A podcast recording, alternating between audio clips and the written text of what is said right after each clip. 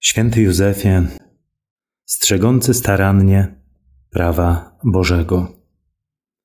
Tak, nie wystarczy tylko słuchać Słowa Bożego, pozwolić, y, aby to Słowo nas kształtowało. To jakby podstawa, baza, fundament.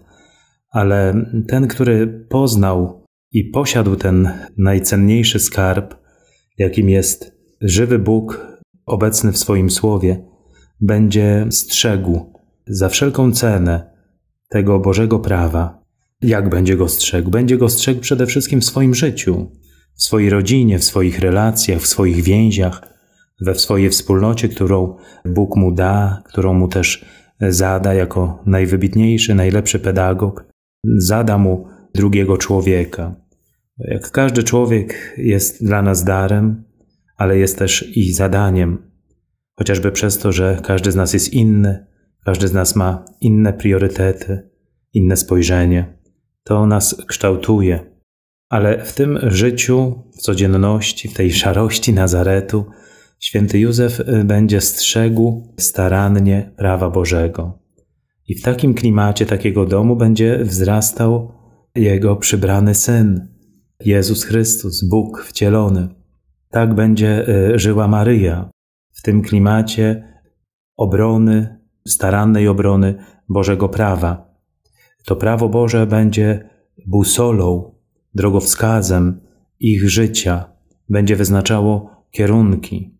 I to nie będzie martwa litera prawa, które trzeba zachować dla jego zachowania, ale zachowywać będą to prawo, bo miłość będzie to prawo ożywiała.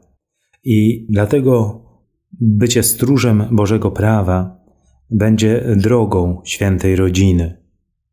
Bo Józef ze swojej natury, jak nazwał go papież Jan Paweł II, jest redemptoris custos, jest stróżem odkupiciela, czyli jest stróżem tego, który przyniósł Boże prawo, prawo miłości.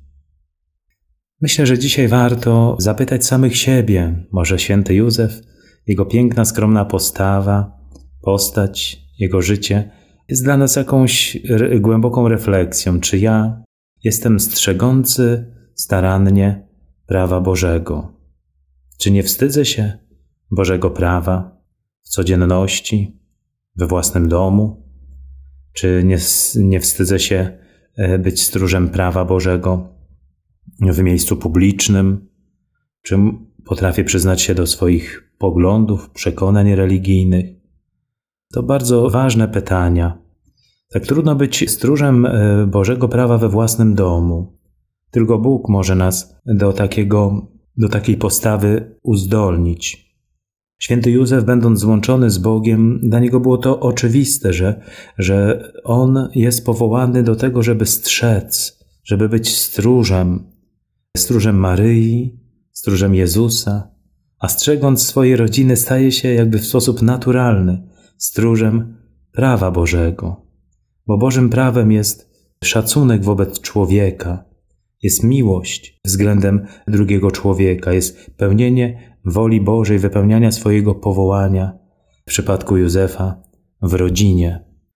To piękne wezwanie, głębokie, dające czas na jakąś głębszą refleksję wszystkim mężczyznom w sposób szczególny czy jako mężczyźni, mężowie, ojcowie jesteśmy strzegącymi starannie Bożego prawa.